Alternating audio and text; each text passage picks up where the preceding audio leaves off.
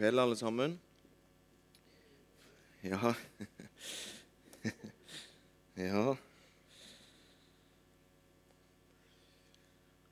Ja eh, Jeg har en liten opplysning jeg òg, hvis jeg får lov å komme med den før vi begynner å bli åndelige her, så kan vi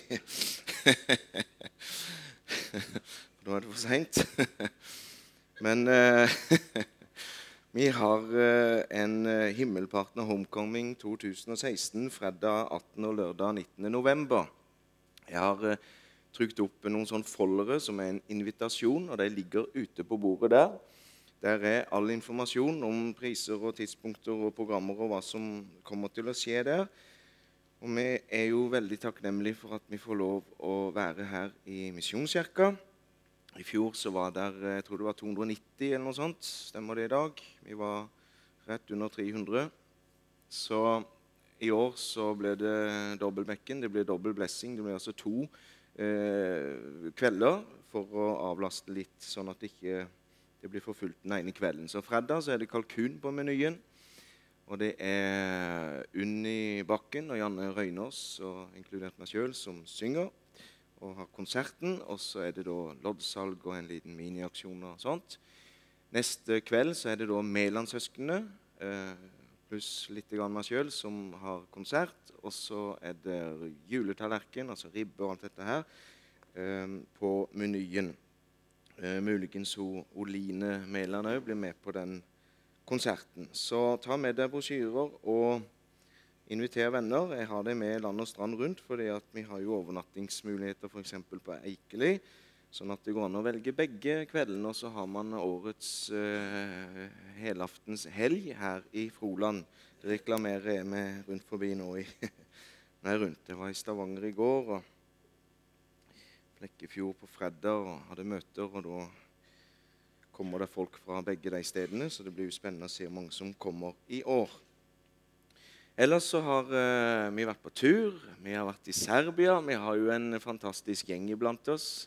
Lurer på om alle i Sarepta-gjengen kan ikke dere bare reise dere fort opp, sånn at vi kan se dere og, og uh, få lyst til å gå inn i butikken og handle litt når vi ser dere? så bra. Det er TX Vikings, eh, The Real Team Extreme, altså. De er så bra. de er kjempebra. Uh, Inger-Britt og, og, Øystein, annet. Gunn her. Hun uh, var, Vi var med da alle sammen ned i Serbia. Og Der ble det sånn en trippelseier, føler vi, fordi at uh, det ble 141 mennesker frelst i, på turen hotellkampanjen.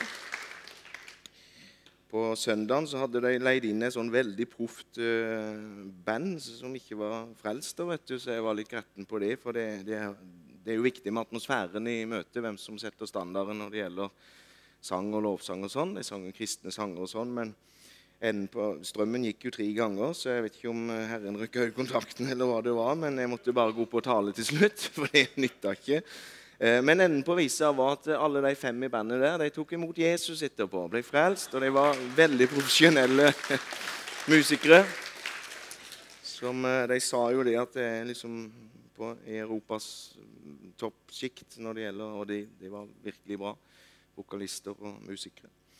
Um, Eh, men det var sånn en trippelseier for de å bli frelst. 141. Var, vi tok en Kjell Halvtor på kelneren på, på kafeen der, på restauranten, så vi ble frelse med han der mens han serverte oss. da, så vi, Dere som kjenner Kjell, han er i Onsdag, så vi tenkte vi skal prøve litt i hans fotspor òg. Så det funka jo, det, da. Men ellers så kommer det 140 andre på teltkampanjen, da. Så men jeg har jo jobba med denne kampanjen i et års tid nå fordi det har vært en veldig splittelse. Jeg vet ikke om jeg nevnte det før jeg reiste ned. at eh, Jeg har vært nede i januar og besøkt den ene menigheten. Nede i mars og besøkt den andre. og Det har vært en veldig hard front i 13 år der de ikke vil snakke med hverandre. Og så har jeg gitt dem ultimatumet, da, vet du, for de ville jo den ene ville ha kampanje med, med, oss, og så blir jeg da automatisk fiende med, med, den andre menigheten. Og jeg vil jo ikke velge omvendt. ikke sant? Jeg vil jo være venner med begge. Så, så vi bare satte et ultimatum at nå kjører vi kampanje sammen. Take it or leave it. Og han ene ville ikke være med. og jeg hadde en fredsmegler fra Tyskland som ga opp.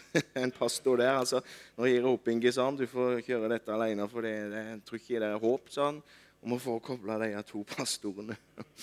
Så jeg begynte å miste håpet sjøl òg. Så tenkte vi får, vi får bare ha denne kampanjen, så får det bære eller briste. Og på vei ned i bilen så får vi beskjed at uh, han der ene sigøynerkongen han kom med menigheten sin. Og Så ble det en herlig gjenforening. Øystein fikk det for seg vet du, at vi skulle ta alle lederne opp og be for dem på plattforma. Det gjorde vi, og der kom den andre menigheten, pastoren, opp, og alle sto side ved side. Og, og de to pastorene klemte hverandre.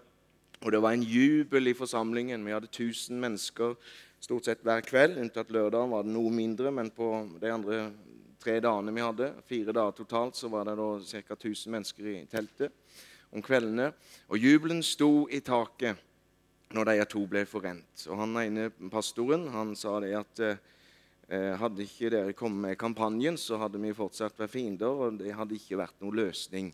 Så sa han at til onsdag når dere reiste og skal jeg drikke kaffe hjemme hos han der andre som har sittet på gjerdet i 13 år Så nå har vi, eller de har danna et nettverk med alle pastorene i Serbia eller i sørregionen der. og så har jeg utfordra deg at nå lager vi en plan på mange år framover der vi bombarderer Serbia med evangeliet. Vi kjører på med kampanjer, og så har jeg utfordra han andre pastoren til å bli med til Makedonia. Og så planter vi menighet der og dundrer på med kampanje der òg.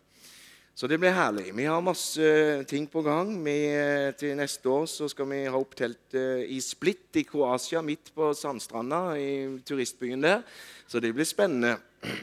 Nå får vi se motivet til folk, om, om det er noen som vil være med på team til Sibir eller Kroatia. Se hvem som Sjekke motivene her. Så da skal vi kjøre flere team ut i gatene på dagtid, og så dundrer vi på med vekkelsesmøter på kveldene. Vi har fått veldig inngang i nettverket til, tidligere til Livets Ord der nede. Så det er veldig spennende. Vi skal ned i mars og ha konferanse der da. Så ting skjer. Men uh, Ja, kanskje jeg skulle begynne prekena nå? Kan jeg, må du være inkludert, eller kan begynne fra nå? Ja, kan ta tida nå.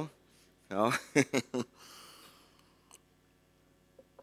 yes, jeg har fått eh, temaet i dag, så skyld ikke på meg om dere er misfornøyd med evnet, men jeg har fått beskjed om at jeg skal preke om nådegavene. Så, så da er det de dere får i kveld. Så det er jo veldig spennende. Veldig spennende.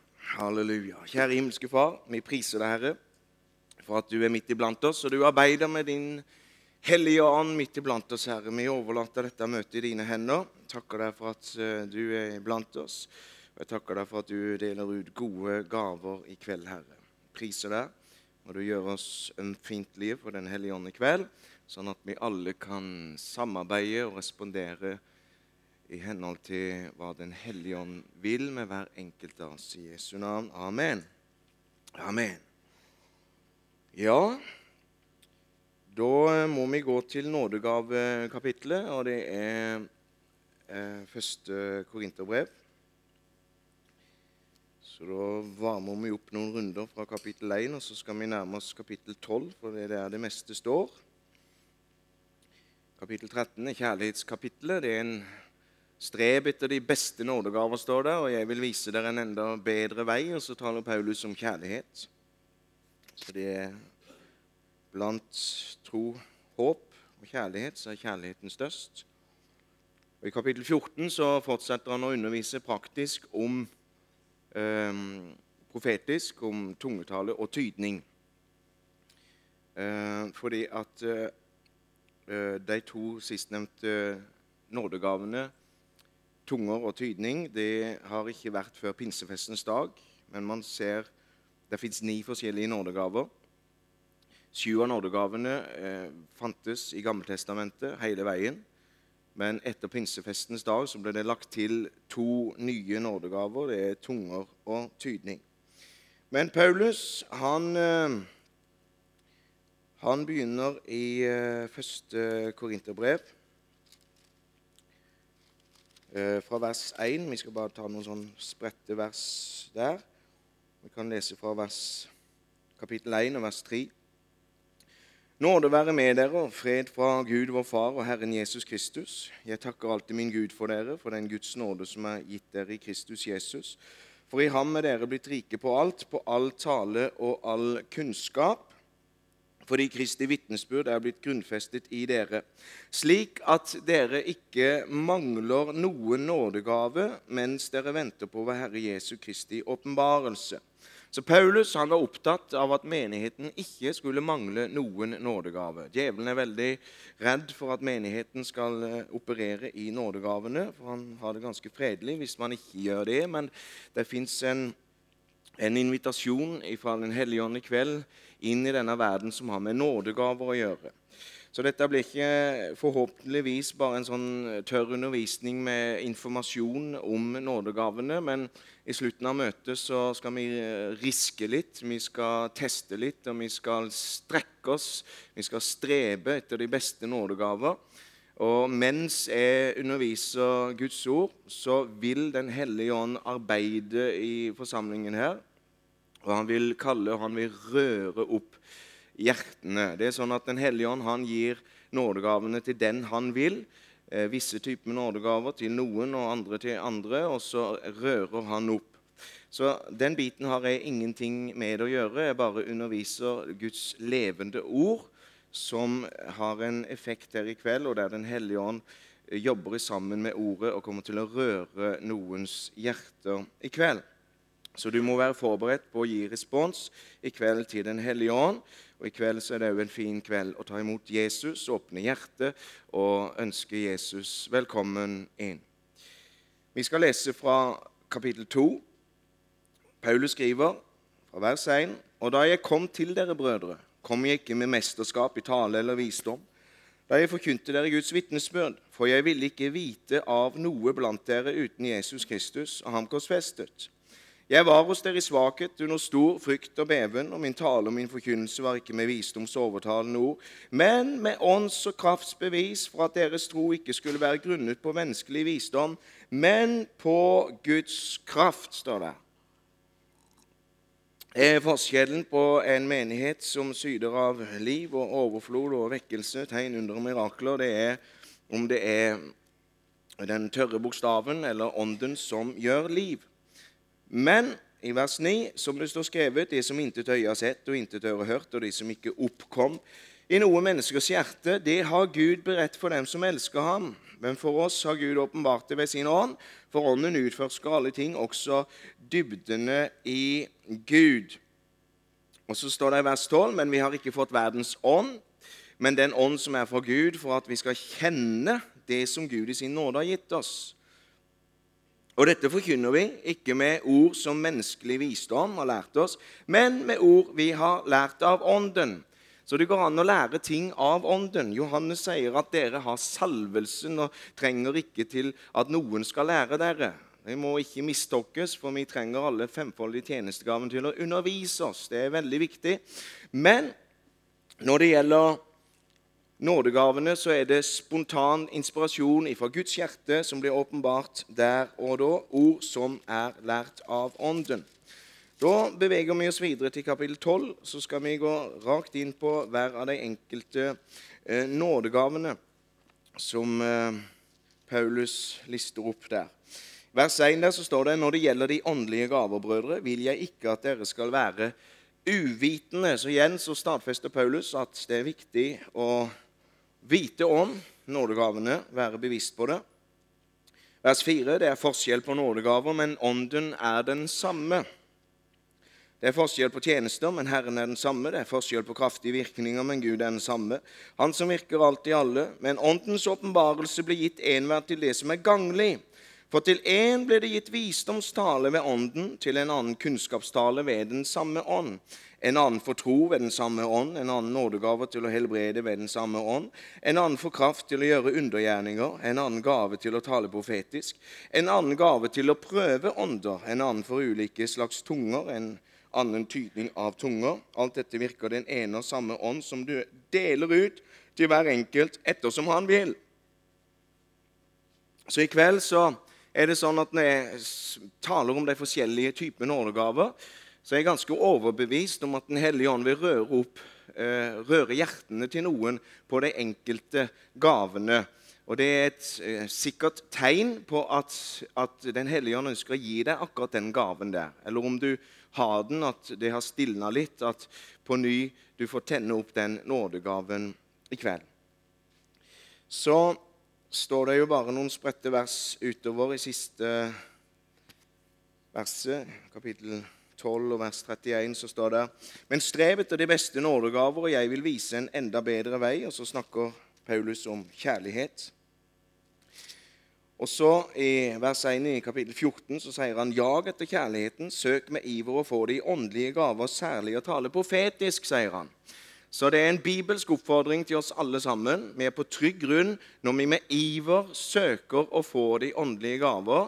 For vi vet jo at Den hellige ånd deler ut som han vil, og der kan vi gå i fella og tenke at ja, da er det jo han som bestemmer, så det er ikke vits i å gjøre noe som helst. Gir han, så gir han, og gjør han det ikke, så gjør han det ikke. Men Bibelen sier at ja, det stemmer det, han deler ut som han vil. Men vi skal med iver søke alle åndelige gaver, og spesielt å tale profetisk. For den som taler med tunger, taler ikke for mennesker, men for Gud. Ingen kan forstå han, men han taler hemmeligheter i ånden. Men den som taler profetisk, taler for mennesker til oppbyggelse, formaning og trøst, står der. Vær stolt, Slik også med dere, siden dere nå med iver søker de åndelige gaver, så søk å få dem i rikt mål for at menigheten kan bli oppbygget. Menigheten blir veldig oppbygga av at vi, hver enkelt av oss, eh, har frimodighet til å operere i de tolv åndelige gavene. Nå skal vi eh, rokere om litt på lista. Det er nesten så Hvis det er mulig å skrive ned alle sammen etter hvert som vi forkynner om det, så, så, må du gjerne gjøre det. Men den, jeg rokerer det litt fordi at eh, det er lettere å få litt sammenheng i det og bygge det påløpende opp, sånn at man kan få en viss eh, struktur i det, så jeg har en annen rekkefølge enn det Paulus lister det opp, for å prøve å gjøre det litt enklere å forstå. Så vi begynner med, med det som har med tungetale å gjøre. Og Kjenn etter nå når jeg snakker om tungetale, om det er noe som rører seg i hjertet. Det er sånn at Inngangsporten til alle ni nådegavene, eh, inngangsporten dit, det er åndsdåpen. Eh, det er alltid avvik. det er alltid alltid unntak når det gjelder å lage regler i Guds ord. så er det alltid noen unntak. Så, så når jeg snakker, om, jeg snakker om, hovedreglene, sånn som, sånn som, vi opplever at sånn fungerer det, det er det at man blir åndsdøpt og taler i tunge for det hemmelige bønnespråket. Det må ikke forveksles, forveksles med nådegaven å tale i tunge, slik at det blir en tydning. Det er to forskjellige ting, selv om det er tunger begge deler. Derfor sier Paulus at eh, taler vel alle med tunger. Og så tror mange at alle skal ikke være åndsdøpt. Men det er like mye Guds vilje at man skal være åndsdøpt, som at man skal være frelst, som at man skal være helbreda. Så det er inngangsporten. og Er du her som ikke er åndsdøpt, så kan du bli det akkurat her og nå i kveld. Eh, hver nådegave kunne jeg hatt 45 minutters leksjon om, så vi kan bare touche litt av toppene. Vi kommer aldri i dybda på dette på én preken, men vi berører bare litt på hver enkelt punkt. Tunger er en veldig dyrebar eh, nådegave, som vi hørte vitnesbyrd om her innledningsvis. Eh, eh, jeg husker jo i den gamle misjonskirka Eh, Gunhild og, og Gunnar nå er vi jo det er mange her som ikke kjenner deg, av ungdommer og sånn. Det er jo det mange husker deg. Ja. Å ja. jeg husker da jeg var guttunge, så hadde jeg hørt det. hun hadde sånn veldig utprega tungetale. Gunhild vet du, sånn bleidia, bleidia, Det var sånn veldig sånn. Eh, og så kom det tydning på det. da. Av og til så husker jeg at jeg, jeg stussa litt, vet du, hun hadde veldig lang tungetale. Har jo holdt på en god stund nå, vet du, og så kom det igjen i to-tre bolker. sånn. Og så var det noen som tyda, vet du. Av og til så var tydningen mye kortere enn en det hun sa. Så jeg så på klokka og tenkte at dette stemmer jo ikke. så. Men i Skriften så står det at det er tydning, det er ikke oversettelse. Det er ikke oversettelse ord for, men det er tydning. Det er å tolke hva var det som ble sagt der. Og Noen drar summen ut av det, og noen er veldig mer detaljert og nærmer seg liksom mer en oversettelse. Men ofte så er det tydningen at det som er sagt, det er sånn og sånn og sånn. Og så kan ofte det være litt kortere. Igjen så kan det være en veldig kort tungetale, så blir det en lang tydning. Og så tenker du, ser du på klokka, de stemmer ikke, de heller.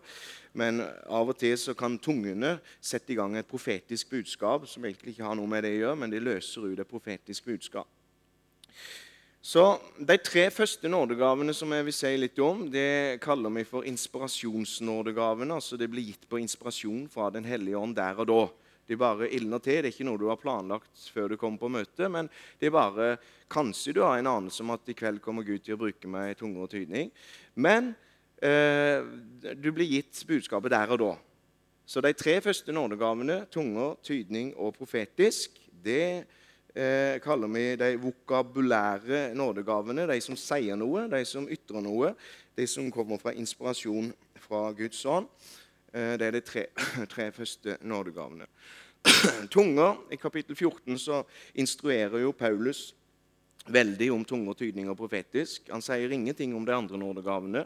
Fins ikke undervisning om det i Bibelen, annet at vi kan dra erfaringer av hvordan vi opererer i dem, og se eksempler på hvordan bibelske personer opererte i dem. Men uh, tunger er til et tegn for ufrelste, sånn at jeg skjønner at her uh, må vi spisse øret, for her er det noe merkelig som skjer. Og så kommer det en tydning på det. Mange er blitt frelst av det.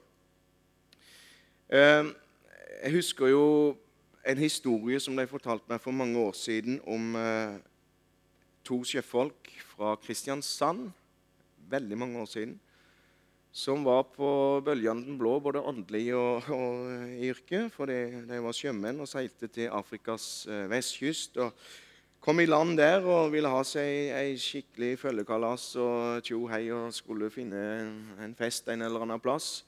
Og hva hadde det for øye? Og gikk i bakgaten og lette etter det. og så hørte de sang og musikk og tenkte her er det fest. Og Så åpna de døra, og der kom de rett inn i en afrikansk eh, menighet. Som du vet, afrikanere, vet du, det, der er det trøkk. Og plutselig så reiser det seg en Når de åpner døra, så reiser det seg en kølsvart afrikaner, vet du. Og taler i tunger. Sånn høres det ut for alle de andre afrikanerne. Men for de to kristiansanderne så taler denne afrikaneren på flytende kristiansandsk norsk dialekt om at de må vende om og bli frelst, ta imot Jesus. Og de går jo i kne momentant og tar imot Jesus. Og for å si det mildt så fikk de gudsfrykt så det holdt, eh, og ble skikkelig frelst. Eh, så du vet at et ord fra Den hellige ånd, ord som er lært av Ånden, kan, et ord fra Gud kan bare snu en situasjon i et sekund, framfor å gå gjennom masse menneskelig visdom og læresetninger og, og alt dette her, og programmer og sånn, så, så, kan Den hellige ånd bare gjøre noe i et nu. Vi har en annen eksempel fra vår egen menighet. og det bruker jeg det, Inger Tomine, uten tillatelse, men eh, det er bedre å få tilgivelse, så jeg kjører på. Eh, og det var jo at det var teltmøte på Fjoner. Mange kjenner jo til denne historien. Eh, for en del år tilbake. Nå gjenforteller jeg det sånn som jeg hørte. Det kan jo være at det er detaljer som, som er litt sånn, men eh, da får du skrike til. Men eh, prøver å gjenfortelle sånn som jeg hørte. Og det var jo det at eh, Eller skulle, har du lyst til å fortelle det sjøl, kanskje? Skal jeg se? ja, kom igjen.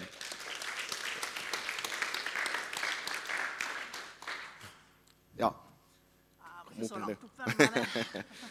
Fortell hva som skjedde der. Ja, det var en sånn, en sånn møte på bibelcampen på Fjone. Og så kjente jeg jo da, sånn som jeg pleide, at eh, jeg hadde tunger til tydning. Eller budskap, da, som vi kaller det. Og jeg reiste meg jo frimodig opp jeg, og kom med de her tungene. Og der kom jo ingen tydning. Så tenkte jeg åh, er det sånn en kveld i kveld? tenkte jeg, At ikke jeg skal bli noen tydning på det. Så jeg følte meg ordentlig sånn det er alltid litt sånn eh, skummelt når ikke det kommer noe, liksom. Men så var hun Siri Vatne hun var der sammen med en sånn tyrkisk kurder som var flyktning, og som gikk i menigheten deres på, inne i Oslo. Og så reiser plutselig hun seg opp, hun kurderen. Og så roper hun 'Jeg forstår henne', sier 'jeg forstår henne', sier så. Hun snakker på, mitt, på min dialekt.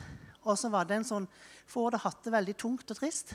Og så var det til hun en sånn, en sånn Ja, det var, det var en trøst fra Gud til henne. Og et, en, en, liksom en, en, håndstrekning til henne i det budskapet. da.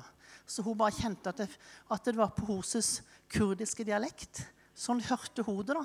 Men det var jo mine vanlige tunger. Men, men uh, hun hørte det sånn, og hun fikk det sånn ifra han, den, over, den uh, tydninga. Altså. Så sånn var det. Sånn var det. Takk skal du ha.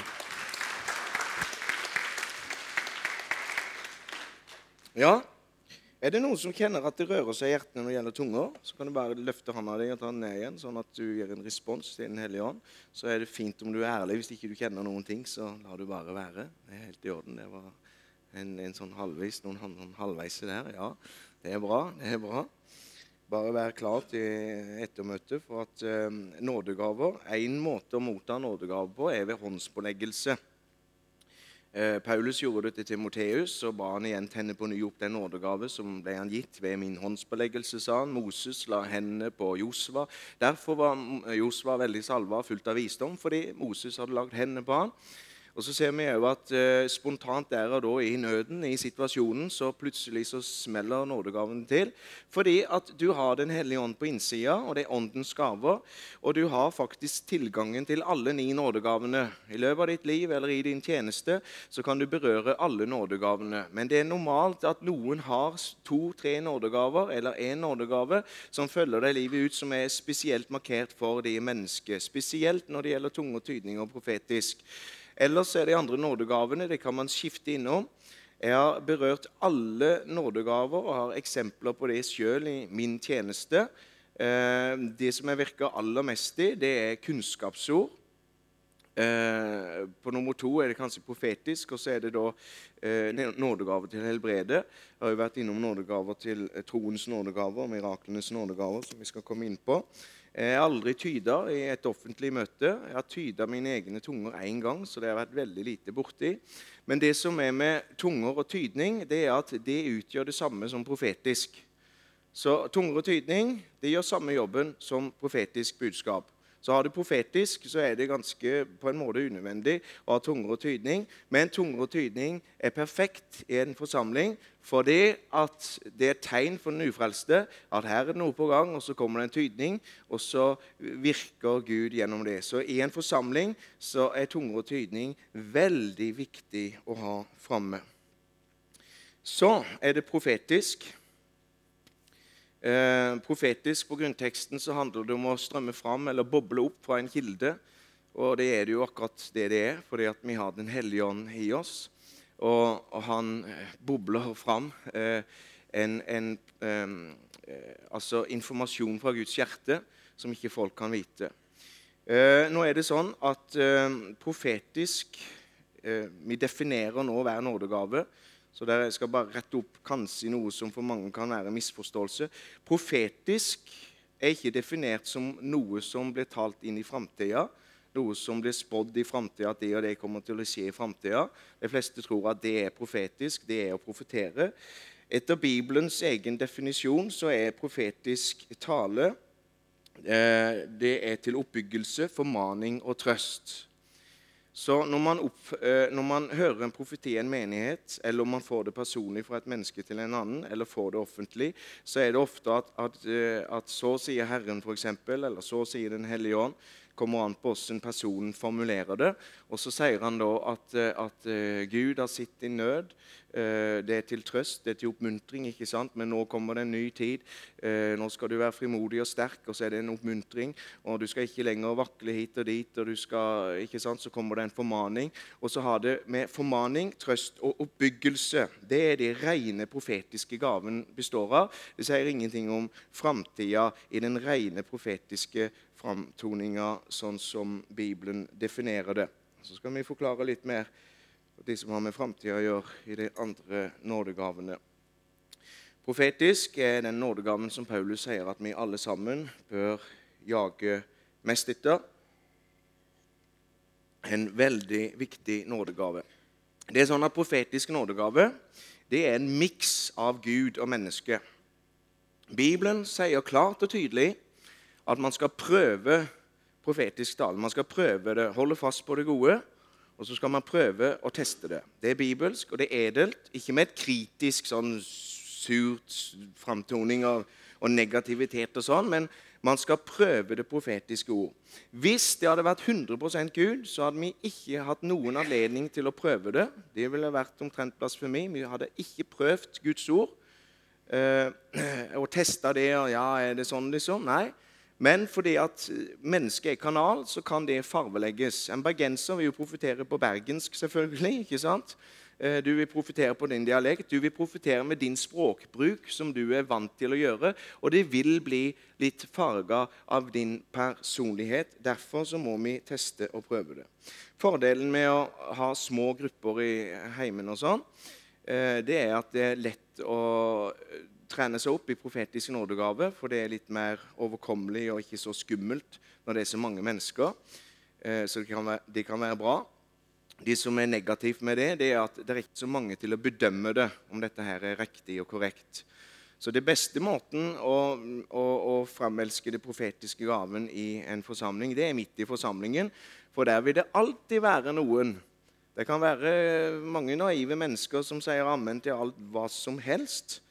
Men i en stor forsamling så er det alltid noen som ikke biter på alt, og som sier fra at dette her er ikke Gud.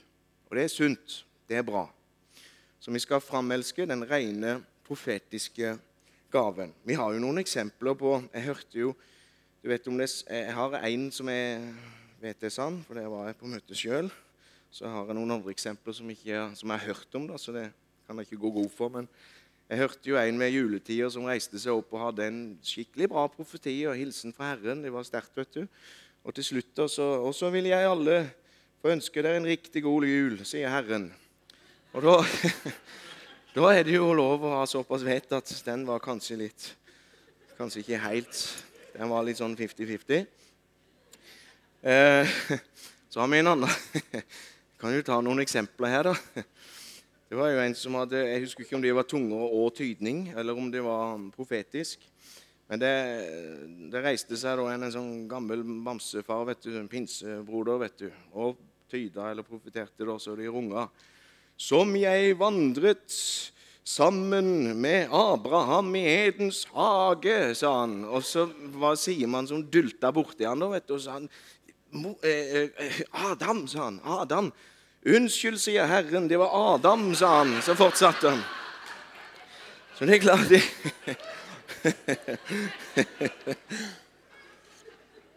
Åge Åleskjær har jo et De var jo på teamtur med buss.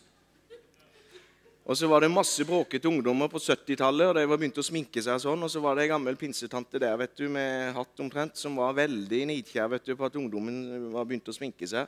Det var så de kokte jo, vet du, og Så bråka de og herja. Til slutt så brast det for henne. Så reiser hun seg opp og så begynte hun å profetere.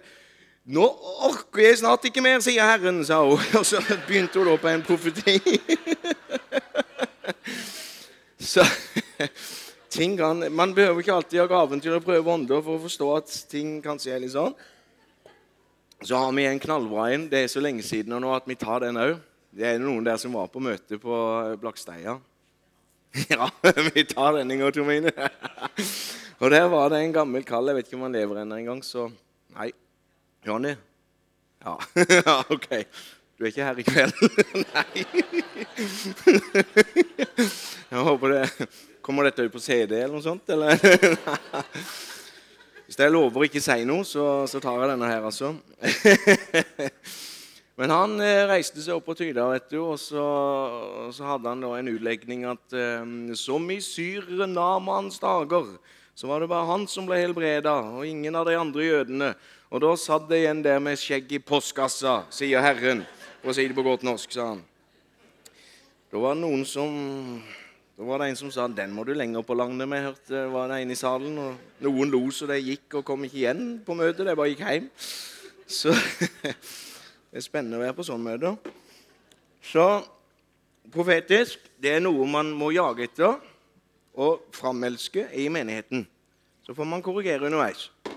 Amen. Kjenner noen at de napper på det som har med tydning og profetisk å gjøre, så kan du bare gi et lite vink med handa sånn kjapt. Bare som du gjør Gud velsigne det. Bare som du gjør en liten respons på det fram til ettermiddag. Gud velsigne det. Da er vi ferdig med inspirasjonsgavene, så kommer vi over de tre neste nådegavene som vi kaller for åpenbaringsnådegavene. For de åpenbarer noe, de viser oss noe, de avdekker noe. Eh, og det har med kunnskapsord, visdomsord og nådegaven til å prøve ånder. Eh, kunnskapsord er en, eh, en, en, veldig, veldig bra nådegave å ha for, for oss evangelister så bruker vi det mye i evangelisttjenesten. Husk at alle ni nådegaver er for den troendes tjeneste. Men eh, den femfoldige tjenestegavene må ha det.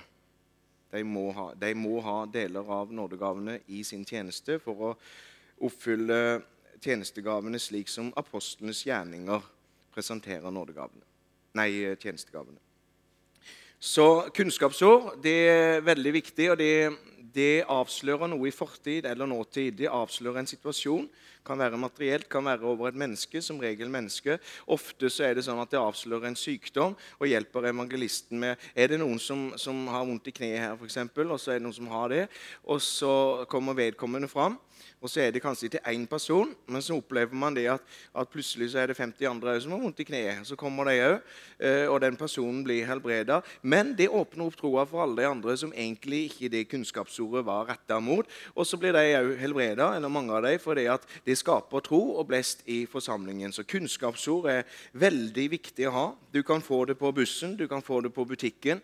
Og det er ord som er lært av Ånden. Og det er veldig bra å komme i kontakt med mennesker uh, ufrelste mennesker, så, så, kan du få et kunnskapsord. Så kan du på en fin måte spørre du, er det sånn og sånn. Og så, ja, så visste du det. Jeg opplever at Gud det talte til meg, viste meg det, fordi at han har en plan for ditt liv osv. Og, så og så kan man komme i direkte kontakt med et menneske veldig, veldig fort og effektivt. Så kunnskapsord det er veldig viktig og bra å ha i mange av tjenestegavene. Og eh, Jesus han brukte det når han satt ved brønnen, og denne kvinna kom ut. Jesus satt der med Jakobs brønn, og så, og så kommer han i prat med henne. og Så sier han 'gå og hent din mann', og så sier hun at 'jeg har ingen mann'. Og Så kommer Jesus med kunnskapsord, så sier han 'der sier du rett, for du har hatt fem menn', og den du har nå, er ikke din mann'. Og Da, oh, da var hjertesøkket åpent. Og jeg ser at du er en Guds profet, og der hadde han åndelig hjertekontakt med vedkommende der og da pga. kunnskapsord. Kunnskapsord er veldig viktig, og vi bruker det veldig mye på team eh, når vi er ute eh, og har teltkampanjer. Vi hadde en eh, kampanje i mai i Ungarn som, eh, der vi hadde teamsamling to timer på dagen. Ba og sånn, underviste litt. Og jeg underviste om, om, eh, om eh, kunnskapsord, spesielt hvordan du mottar det. Noen ser det med skrift, andre får det i sin ånd. Du kan få det i drømmer, du kan få det gjennom engel. Det, det, det er mange måter å få det på. Eh, og så var det sånn at alle i teamet fikk kunnskapsord på dagen. Og jeg husker at uh, han, Jan Egil, som var med oss, han fikk et uh, kunnskapsord. Han satt i bussen eller i bilen på vei til møtet og fortalte alle oss andre hva han hadde fått. Jeg, jeg, husker, jeg tror ikke jeg hadde fått noe da, men jeg fikk det spontant på møtet. Men han fikk dette på forhånd. Og han sa det. Jeg fikk tre ting, sa han. Og det var det. Jeg fikk navnet uh, Frans. Og så så, så så, jeg det at det, det, var noe ubehag og smerte bak øynene eller i øyepartiet. Så så jeg en sånn en tvangstrøye, sånn som de har på sånn mental sykehus. så sa han at jeg vet jo ikke om det er en og samme person eller tre forskjellige personer, men han talte det bare ut som, som han hadde fått det. På det møtet, før han talte det ut, så tok jo jeg frelsesinnbydelse. Og når jeg tar alterkallet, så holder jeg kanskje på med det i ti minutter. eller noe sånt, og Ofte da så kommer det kunnskapsord som hjelper mennesker å bli frelst eller helbreda. eller forskjellige ting. Så kjenner jeg det at det er et menneske der som er bundet av Satan, bare roper ut. og Det bare, det bare kommer ut sånn, og sa jeg nå liksom. Men det er Den hellige ånd.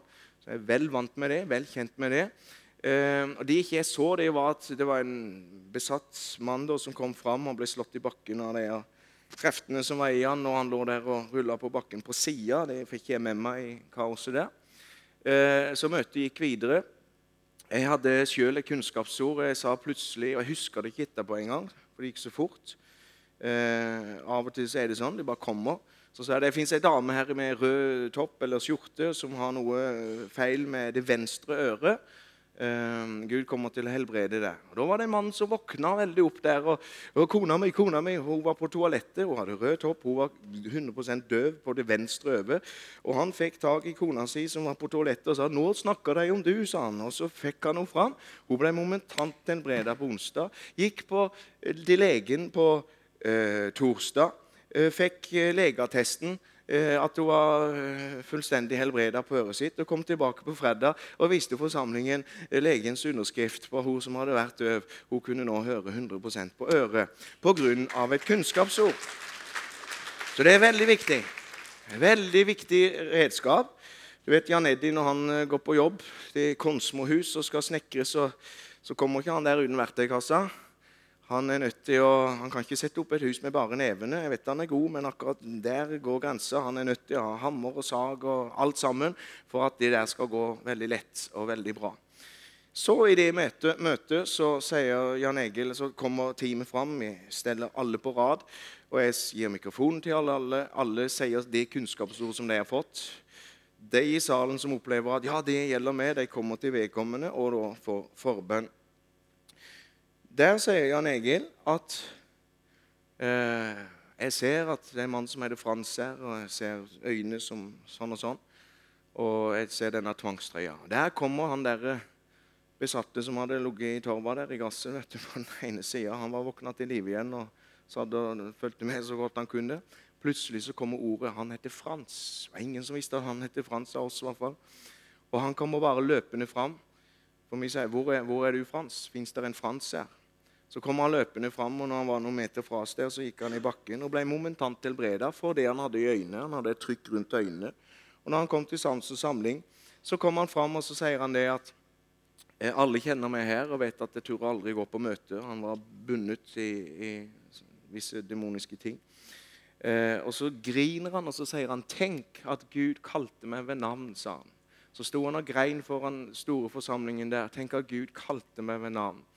Det er ord som er lært av Ånden, som ingen mennesker kan produsere, som vi aldri kan gjennom programmer i ti år kan klare å komme dit hen at vi kan røre et menneskehjerte så kraftig som om vi møter det med Åndens gaver. Så nådegaver til kunnskapsord. Her står det 'kunnskapstale'. Jeg liker ikke 'kunnskapstale', for det, det handler ikke om å tale masse. For Kunnskapsord på, på 'word of knowledge' det er ett ord.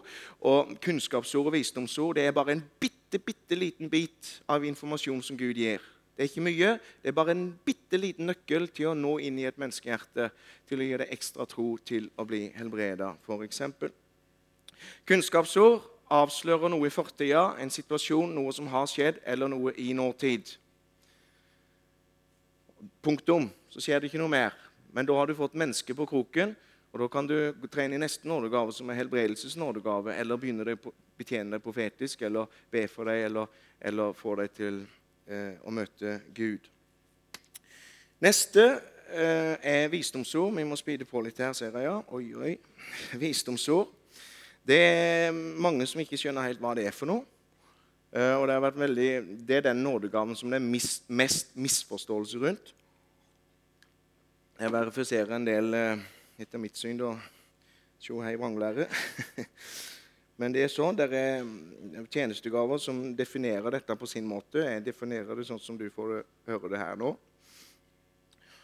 Visdomsord er ikke noe som er glupt sagt.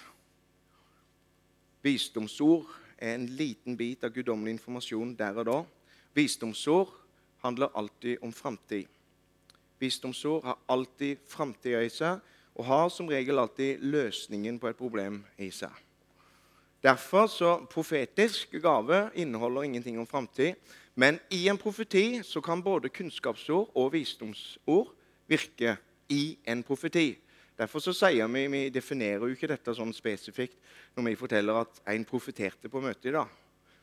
Vi sier ikke han hadde visdomsord, han hadde kunnskapstall og sånn. og sånn. Nei, vi bare sier han profeterte. For i profetien så var det et visdomsord som omhandla framtida. Agabus var en profet i, i apostelens gjerninger. Han, eh, han forutså en tørke, en hungersnød, som skulle komme, og den kom. Og det hadde med framtida å gjøre. Og det visdomsåret kom for at det kom en løsning. De kunne ha en mulighet til å samle opp mat, sånn at de kunne møte den framtida som han da, som vi ville sagt, profeterte. Men det var et visdomsord. Josef han tyda drømmen til farao om de sju kuene. Magre og feite kuene. Det skulle komme sju feite år og sju magre år. Um, og Så kommer Josef med et visdomsord i det han tyder denne drømmen. Og det var, det var, det at Tydningen var jo at det kommer sju gode år og sju år med hungersnød, og du skulle lagre opp eh, kornlageret, sånn at du møter de sju magre åra. Det har med visdomsord det har noe med framtida å gjøre. Noen tror det at når Jesus sa at eh, de skulle lure Jesus i en felle, så sier de Eh, 'Skal vi betale skatt til keiseren?' sa de. Tenkte nå får han problemer med å svare. For Det er noen som sier at Jesus kom med et visdomsord. Jo, han ikke, for han sa det at 'gi keiseren hva keiserens er, og Gud var Guds er'. Så tror noen at det er visdomsord. Det er det aldeles ikke. Det er vanlig, alminnelig visdom. Jakob han sier at uh, den som mangler visdom, han ber til Gud, og han gir villig og uten bebreidelser. Salmo opererte i visdom. Men visdomsord det er gitt der og da. En bitte liten bit av informasjon som Gud har i sitt hjerte, som har med framtida å gjøre, og gjerne en løsning. Sånn som f.eks. Inger Britt her, som fikk visjon om å starte en bruktbutikk. Du kan kalle det et visdomsord, for det hadde med framtida å gjøre. Og det var en løsning på et økonomisk ikke problem, men, men det var en altså, bringte inn økonomi i himmelpartner. Det har med visdom å gjøre. Alt som du får som har med framtida å gjøre, det er visdomsord. Der kan man si veldig mye mer, eh, men det har vi ikke tid til. Så jeg får av og til visdomsord gjennom drømmer, der Gud advarer meg mot forskjellige ting og tang, så jeg unngår problemer i framtida. Det har med framtida å gjøre. Drømmer er veldig spennende. Det er en egen preken. Lære å tyde drømmer. Der er det mange av oss her som går glipp av masse tiltale fra Gud fordi at man skjønner ikke at Gud taler i drømmer. Og der er jeg sjøl har gått glipp av masse tiltale fra Gud. Men ikke nå lenger. Og skriver jeg det opp, og nå skjønner jeg og forstår hva han taler til meg. Så det får vi ta en annen gang. Men så har du den tredje nådegaven i eh, åpenbaringsnådegaven, som er nådegaven til å prøve ånder. Den er, ganske brei i seg, fordi at man kan kjenne at ting er galt, og ting skurrer, og du kan ikke helt sette fingeren på det. De fleste av oss senser ting i andre menneskers liv. Nådegaver til å prøve ånder har ikke noe med å avsløre situasjoner materielt eller om mennesker, men det er nådegaven til å prøve ånder, altså eh, engler som er ånder, Guds hellige ånd, altså Gud, alt som har med Gud å gjøre. Og det har òg med å avsløre de som har med djevelen å gjøre, alt som har med ånd å gjøre. Hvis det er mennesker infiltrert i demoniske ting, så kan man avsløre det, at det er sånn og sånn type ånd osv. Det har mange eksempler. Men for å bare definere det veldig klart og tydelig Nådegaven til å prøve ånder er litt misvisende på norsk. For på engelsk så er det 'discernment of spirits', og det er egentlig å se inn i åndsverdenen. Man ser inn i åndsverdenen. Eh, en profet av embete er nødt til å ha denne nådegaven for å kalle seg profet. Hvis ikke er han ikke profet. Han må ha profetisk, selvfølgelig, det er ganske logisk, og han må ha visdoms- og kunnskapsord for å kunne kalle seg en profet. En profet ser Jesus til tider, han ser engler, han ser inn i åndsverden. Johannes på Patmosø han var jo en apostel, han var, han var jo pastor, han var hyrde. Men han var en profet, og han kunne se inn i åndsverden der på Patmosø. Han så de sju ånder foran Guds trone, eh, og så hadde han visdomsord for at når han fikk eh, alle brevene til menighetene, så kom eh, kunnskapsord gjennom det Jesus talte til ham. Nådegaven til å prøve ånder. Han så Jesus, han så inn i åndsverden. Han fikk et kunnskapsord om at Laudikea var sløv, og sånn og sånn. Og han fikk et visdomsord at løsningen er at du må omvende deg og kjøpe gull som er lutret til ild osv. Så, videre. så der fungerte alle de nådegavene. Nådegave til å se inn i åndsverden, det er de som har med å prøve ånder å gjøre. Eh, det er ikke noe du skal veldig strekke deg etter å prøve å få til, for du kan åpne opp for negative ting. Og har du folk som er svake i psyka, bør ikke liksom legge bort den der. altså. Den, Det bare ordner Gud, eller det viser Gud når han vil, og når du minst aner det, Så akkurat den skal man ikke være så veldig opptatt av. Men, men det er en veldig viktig oppgave, spesielt for en pastor, nådegaven til å prøve ånder og se inn i åndsverden hva det egentlig som foregår her, sånn at ikke man blir lurt av mennesker. Den kunne man sagt veldig mye om, men eh, vi må skynde oss videre. Er det noen som kjenner at det rører seg i hjertet når det gjelder kunnskapsord, så kan du bare vinke. Eh, sånn. Ja. Eh, visdomsord. Eh, visdomsord er som regel opp mot profetisk alltid, men står også på egne bein. Så har du nådegaven til å se inn i åndsverden eller prøve ånder. Noen som, som kjenner at det, det hadde vært spennende. Det er liksom ikke sånn det er, da, men Da får du se en god film isteden. Men eh, så har vi de tre siste nådegavene. Nå går vi inn for landing, så hold ut til enden. Så skal vi eh, gjøre noe spennende etterpå. Halleluja. Det blir skummelt. Nei da, det gjør ikke det. Du har sjansen til å gå ut døra nå hvis, du, hvis ikke du tør å være her. Nei da, det er veldig udramatisk. Men vi har vært igjennom eh, og tydning, profetisk, kunnskapsord, visdomstale, nådegave til å prøve ånder, og vi kommer til kraftsgavene. De tre siste gavene er, har med kraft å gjøre, handling å gjøre, power. Og Den første nådegaven der er nådegaver i flertall til å helbrede. Jeg skal ikke si så mye om det. Men det skjer som regel oftest gjennom håndspåleggelse. Kan òg skje gjennom en fellesbønn. Nådegaver til å helbrede. Noen mennesker er eksperter på vonde rygger og har resultater på det. Andre har resultater på astma osv. Eh, noen eh, har spesielt tro for visse typer sykdommer og har mest resultater for det. I går brukte jeg nådegaven til å helbrede på møtet i Stavanger. Der var det i hvert fall tre stykker som ble helbreda. Eh, og det var sykdommer som du kan sjekke der og da. Andre sykdommer som er innvendig, må man gå til doktoren for å sjekke. Så de kan man ikke påberope seg før det er eh, sjekka. Men eh, i går så var det ei dame som ikke kunne løfte armen. var helt, eh, Nakke og skuldre var helt stivt. og De løsna der og da og kunne svinge armene. Lykkelig og glad. En annen mann som hadde veide 107 kg og landa på skuldra på sykkelen kanta på sykkel. Og Fire og en halv måned så kunne ikke han løfte armen. Han var så fortvila. En kort håndspåleggelse av bønn, og så kan du løfte armen nå, sa Så løfta han armen. Og Jeg kunne i hvert fall ikke ta hendene bak ryggen, sa han. Og så tok han hendene bak ryggen, og så var det ingen smerte og ingenting. Han kunne bevege seg 100 Pluss ei anna dame som sa hun hadde så vondt i armen, kunne ikke løfte han. Ba for henne. Kan du løfte han? Nei, hun klarte ikke det. Ba igjen. Ingenting skjedde. Så tok jeg med noen smørbrød på slutten og prata med pastoren der han skulle reise hjem. Så kommer hun etter meg. 'Du, nå er det mye bedre. Nå kan jeg løfte han så høyt', sa hun. 'Det er noe som skjer.' sånn at hun begynte å, å, å friskne til der. Det er nådegaven til å helbrede. Eh, det er ikke så mye å undervise om det. Det bare skjer. Det er Gud som gjør det.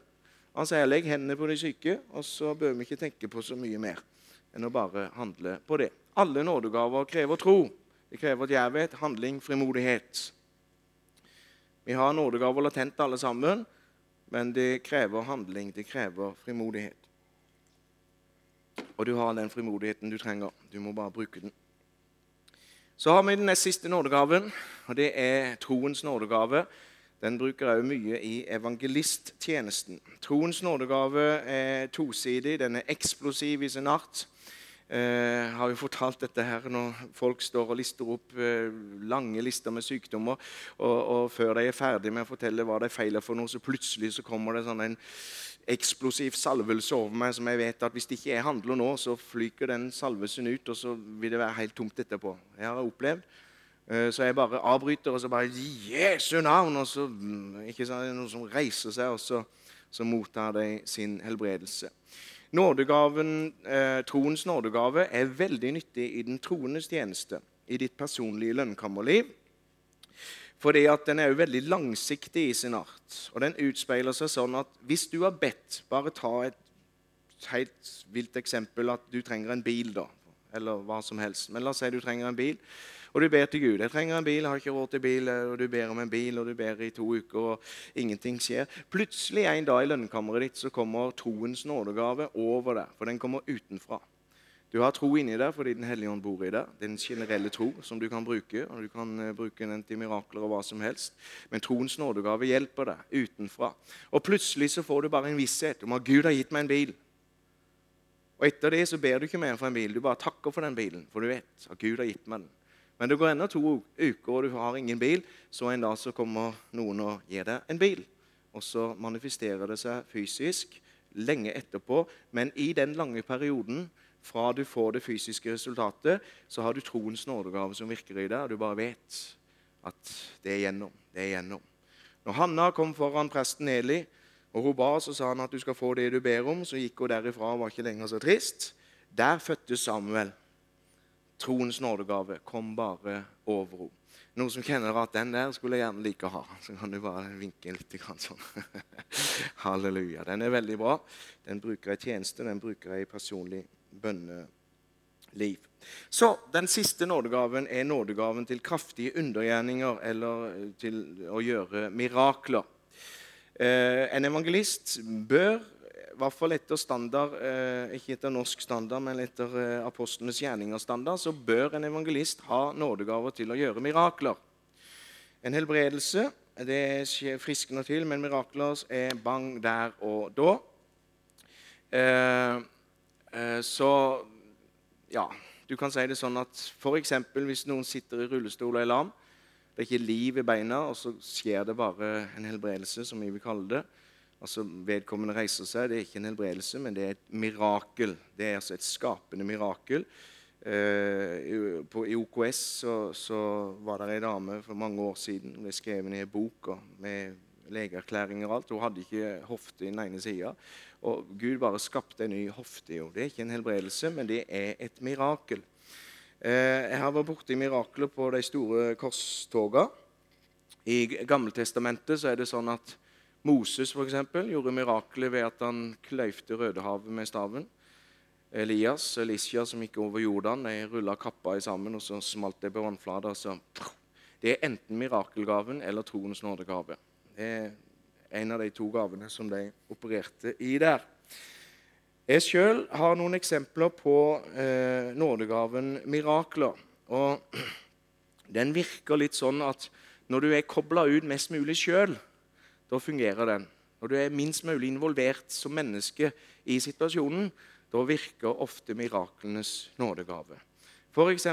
den lille babyen i 2013 i Pakistan som var død i fem-seks timer, som våkna opp til liv igjen eh, under fellesbønnen der. Det var en, en, en, mirakel, en kraftig undergjerning.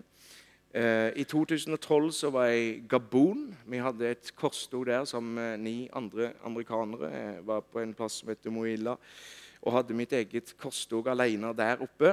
Eh, jeg hadde med meg John Tofte, for dere som kjenner han, til å ta litt bilder. og sånn. Og Det var svært. Jeg bodde hos guvernøren. Han var en høy mann i rang. da. Han hadde jo kontoret sitt og var under presidenten. og Vi besøkte han, og alt ble skrevet ned som vi sa der. og Vi bodde hos han. Jeg trodde jeg skulle Jeg vant til å bo i jordhytter når jeg i, eh, i, Afrika. vet du, Så bodde jeg jo i rene slottet med tjenere overalt. Og vi spiste flotte middager med antilopesteik og jeg vet ikke hva hver kveld. De, de var overdådige på alle måter. Rød løper fra bilen opp til plattforma. vet du. Det var ikke måte på for en frolending. Jeg fikk jo eh, kultursjokk. Og så eh, og så Kompisen vet du, som var med meg og skulle ta bilder, han, jo, han ville sitte ved siden av meg. vet du, Han fikk streng beskjed om å sette seg helt bak oss, for han var jo bare fotograf. Så de skilte lag der. og når han skulle gi gitt vitnesbyrdet sitt, og fram og vitne, så spurte han meg «Eh, kan du ta bilde av meg. sa han. Ja, ja, sa jeg, vet du. Og da kom han koordinatoren og brølte. vet du, No, you are the man of God. You are not taking any pictures here. You are in charge. vet du. Jeg kunne ikke nedlate meg til å uh, ta bilder. Jeg var jo altfor stor til det. vet du. Og jeg, Kan du tenke deg, der står, står en stakkars skolending og, og har veldig kultursjokk på det. Hver kveld vet du, så var det ca. 20 000 mennesker der, og det skjedde herlige, fantastiske ting hver enda kveld. Masse å fortelle om det. Eh, siste kvelden, så, siste dagen så var det sånn Jeg var jo alene evangelist der. Og da hadde de 19 menigheter som jeg skulle rundt og ha en hilsen til på dagen. Hel, rundt hele bilen, så jeg kjør, eh, byen der, så jeg kjørte rundt i bil. Inn på møtet, formiddagsmøte og ba en bønn om velsignelse. Og de skreik og ropte, så jeg måtte skrike høyere enn de for at de skulle høre meg. Eh, 19 steder, og da var den 19. plassen vet du, da var stemmen så sliten at det var så vidt jeg kunne pipe. Og jeg skulle jo preke på kvelden. Eh, og jeg klarte meg gjennom til frelseinnbydelsen. Da hørtes jeg ut som Mikke Mus. altså. Da var det ingenting igjen. Så jeg sa til tolken du får ta frelseinnbydelsen, for jeg bare piper. Jeg klarer ikke å snakke. Og Jeg var helt utslitt. Det var varmt. og Vi hadde vært igjennom noen fighter den uka der. Og Jeg satt meg ned i stolen på plattforma. Kjempestor plattform, kjempestor kor. Guvernøren og alle de her tjenestefolka var der.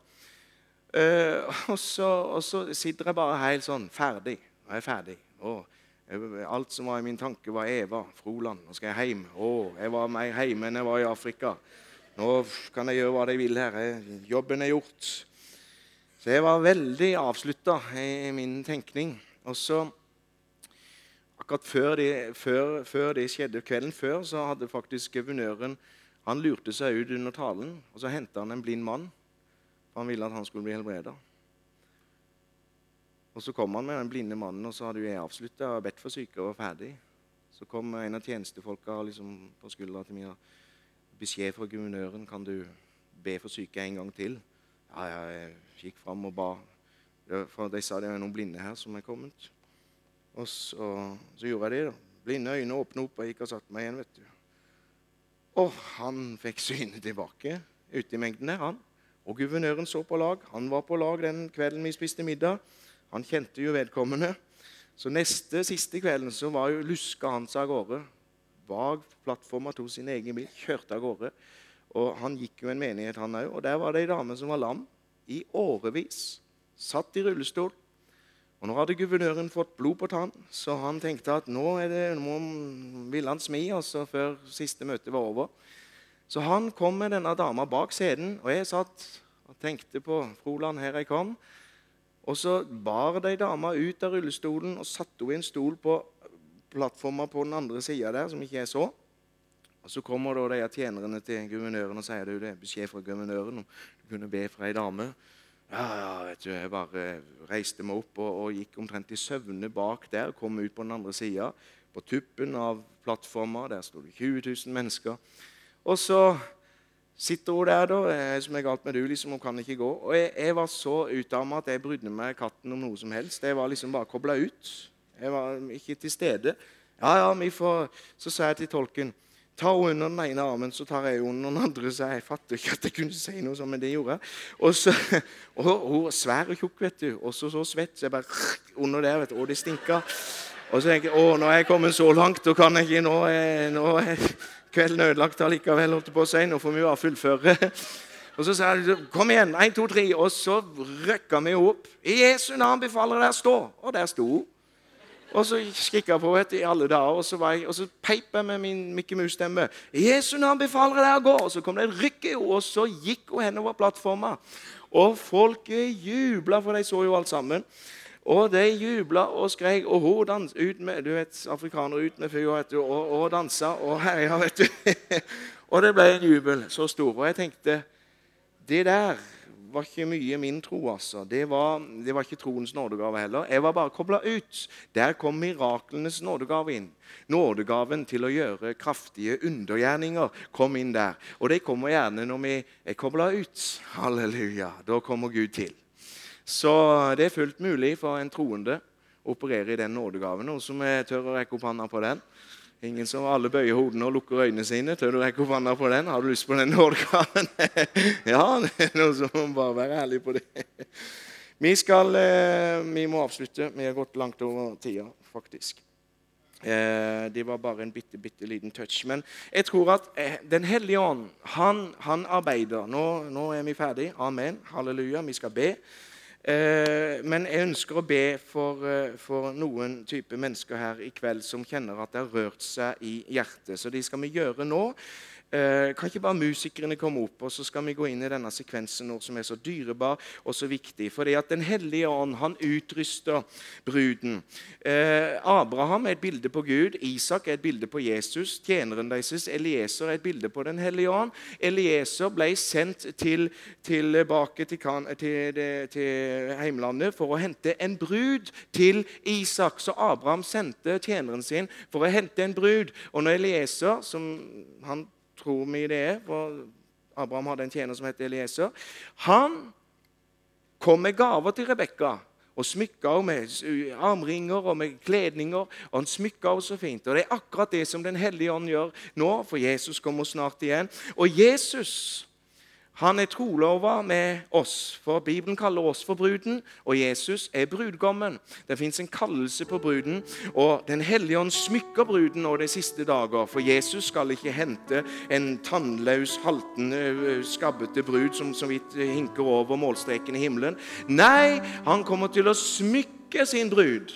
Kommer, bruden kommer til å være hvit og ren fordi hun er vaska i Jesu dyrebare blod.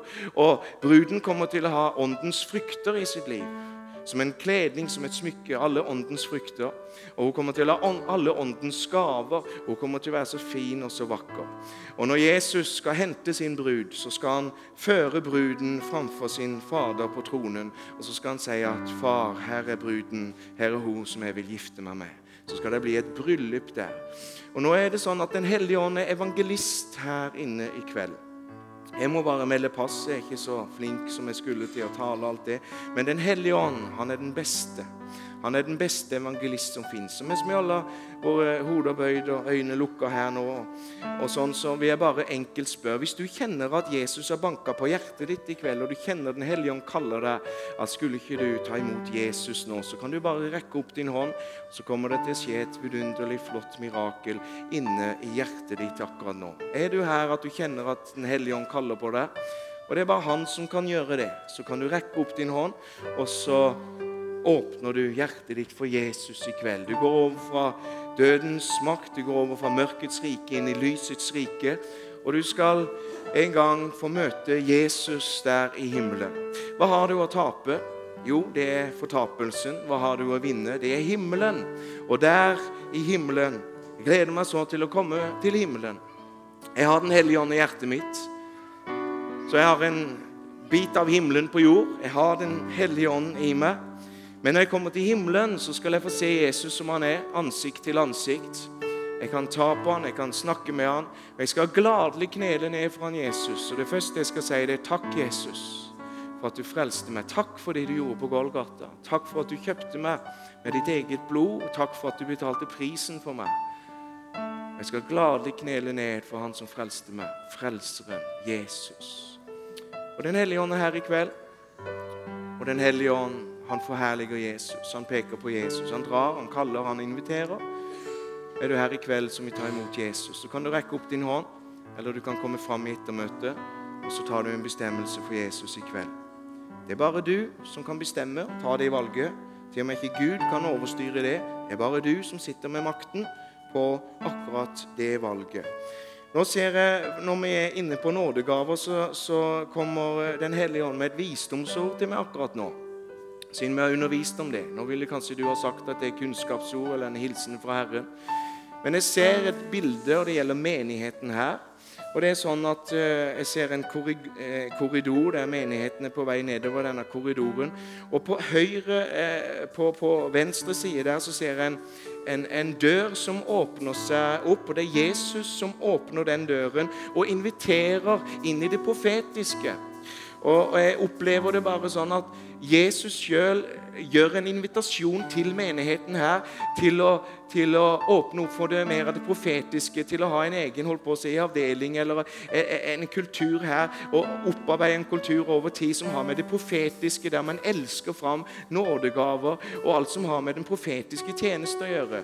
På den høyre sida, litt lenger nedforbi den døra, så ser jeg to andre dører. En stor dør som jeg ser evangelisering på, en dør rett etter som òg har med en utadretta virksomhet som jeg ikke ser navnet på. Men den første døra jeg ser, det er de som har med eh, profetisk å gjøre. Og alt som kommer ut av min munn, det kommer gjennom et menneske inspirert fra Den hellige ånd. Og alt må prøves. Alt må testes. Alt må, og det, det, må aldri bli noe kontroll i det, for det er menneskers valg. Vil jeg ta imot den invitasjonen? Er det den retningen vi vil gå? Men så er det sånn at Den hellige ånd har alltid vært på forhånd i noen menneskers liv. Kanskje noen ledere her, kanskje hjertet til Vidar. De vet ikke, men Når Den hellige ånd arbeider, så har han vært der før i noen mennesker. Når ordet kommer, når visdomsordet kommer For dette har med framtida å gjøre. Det har med en løsning å gjøre. At det er fullt mulig å opprette et profetisk miljø her i menigheten. Der det flyter, der man trener mennesker i nådegavene, der man trener mennesker i å tyde drømmer, der man forløser mennesker ut i helbredelses nådegave. Et profetisk miljø. Og profeten ligger nærmest Guds hjerte, fordi profeten har mest nærkontakt med Gud. Eh, selvfølgelig har alle tjenestegavene det, men profeten ligger så nær fordi han ser og, eh, hemmeligheter i ånden. Og Gud betror seg til profeten som en venn. Og det er en invitasjon her i menigheten til å opparbeide en himmelsk kultur innen det profetiske. Opplever det som en hilsen så kan man gjøre hva man vil med det. Om man vil takke nei og gå videre nedover korridoren og gå inn andre dører, for det er flere dører å gå inn igjennom. Men det er sånn at jeg opplever at dette er en invitasjon som, må, som, som, som har med framtida å gjøre. Det er ikke gjort over natta, men det har med en, en kurs i framtida, fra nå og framover, å gjøre. Hvis de sanksjonerer, ja vel, så tar du det, og så går du videre med det. Dere som er ledere her og sånn. Hvis ikke de sanksjonerer, så faller de dødt ned. Du kan ingenting gjøre med det. Men det fins en sanksjon i ånden din til å gå videre inn i den døra. Så står Jesus der med en åpen invitasjon. Da var det en hilsen. Halleluja, halleluja. Så skal vi gjøre det sånn at Nå er du i bønn. Uh, vi skal riske litt kunne ha sagt Kunne jo ha sagt det at eh, hvis du kjenner at du har tunger, så kan du komme med det nå. Ikke sikkert det er noen som har det, faktisk. Du kan kjenne litt på det. Men Bibelen sier at vi skal strebe, strekke oss etter det profetiske nådegave. Vi skal sette oss i posisjon, sånn at Gud kan bruke oss og gjøre oss tilgjengelige for nådegavene. Hvis du kjenner at hjertet dunker, så kan du rekke opp handa nå eller etterpå når det gjelder Hvis du kjenner kanskje for første gang du har tunger, eller et profetisk budskap De kan ligge der litt, litt sånn Jeg bare nevner det for at Ja. Men, men en annen sak som, som, som, ligger på meg, det er det at kanskje du er her som har et kunnskapsord til en helbredelse. Kanskje det er flere som har et kunnskapsord til noen som er syke her i kveld. Hvis du oppriktig kjenner at du har et kunnskapsord, så kan du rekke opp hånda di og komme fram og dele det. Skal jeg stå på sidelinja og hjelpe litt? Er det noen som kjenner det, at du har et kunnskapsord? Er det noen som kjenner en smerte i kroppen som ikke er din? Som kjenner at, noen, at du har et eller annet stikk eller et eller annet? Kanskje det er noen her som har vondt i, i den kroppsdelen? Får du et ord, får du et bilde, får du, får du en eller annen sykdom? Jeg tror faktisk det er noen som har det, men så har det med denne frimodigheten å gjøre. Hvis du kjenner at du har det, for da kunne du komme fram og så sagt det. Så kunne vi spurt er det noen som har den sykdommen. Så kunne vi brukt helbredelses nådegave til å helbrede vedkommende. Det er sånn vi kan hjelpe hverandre inn i den profetiske verden. Så kan du tygge litt på det. Men nå er det sånn at du som kjenner kallelsen til å bli frelst, du er så varmt hjertelig velkommen til å ta steget inn i familien, inn i Guds rike. Det er bare du og Gud, det er bare du og Gud som kan ta, du som kan ta den avgjørelsen. Og så er det sånn at det er noen her som kjenner dragningen til at du har begjæret i hjertet ditt til å ha denne nådegaven. Kan vi ikke alle sammen reise oss opp nå? Og så er vi med i lovsangen. Men du som kjenner at 'jeg vil ha nådegaver i mitt liv' Kanskje du har én eller to eller tre konkrete. Kanskje du kjenner 'Å, jeg vil ha alt sammen'. Men hvis Den hellige ånd har rørt opp hjertet ditt på noe spesielt når det gjelder nådegaver, så kommer du fram, for da er det en veldig godt utgangspunkt for at du faktisk får forløst en nådegave i livet ditt akkurat her og nå gjennom håndspåleggelse. Kjenner du ikke noen ting en plass, så bare bli stående og pris Herren. Helt ok. Men hvis du kjenner at Den hellige ånd har rørt ved deg den Emmaus-vandrerne sa det at når Jesus talte til dem, så brant ikke våre hjerter når han talte til oss der på veien, sa de. Når han åpna Skriftene for oss, brant ikke våre hjerter. Og hvis hjertet ditt brant på et av disse punktene, og du kjente at det var en ild der, så kommer du til å ta imot Den hellige ånds nådegave som du begjærer i hjertet ditt. Det er ikke vi som gir den, det er Den hellige ånd som gir den. Men det kan være en bit av det med å løse den ut i livet ditt nå. Så virker den ikke i sofaen, men den virker der ute, som høsten er. Det er der den virker.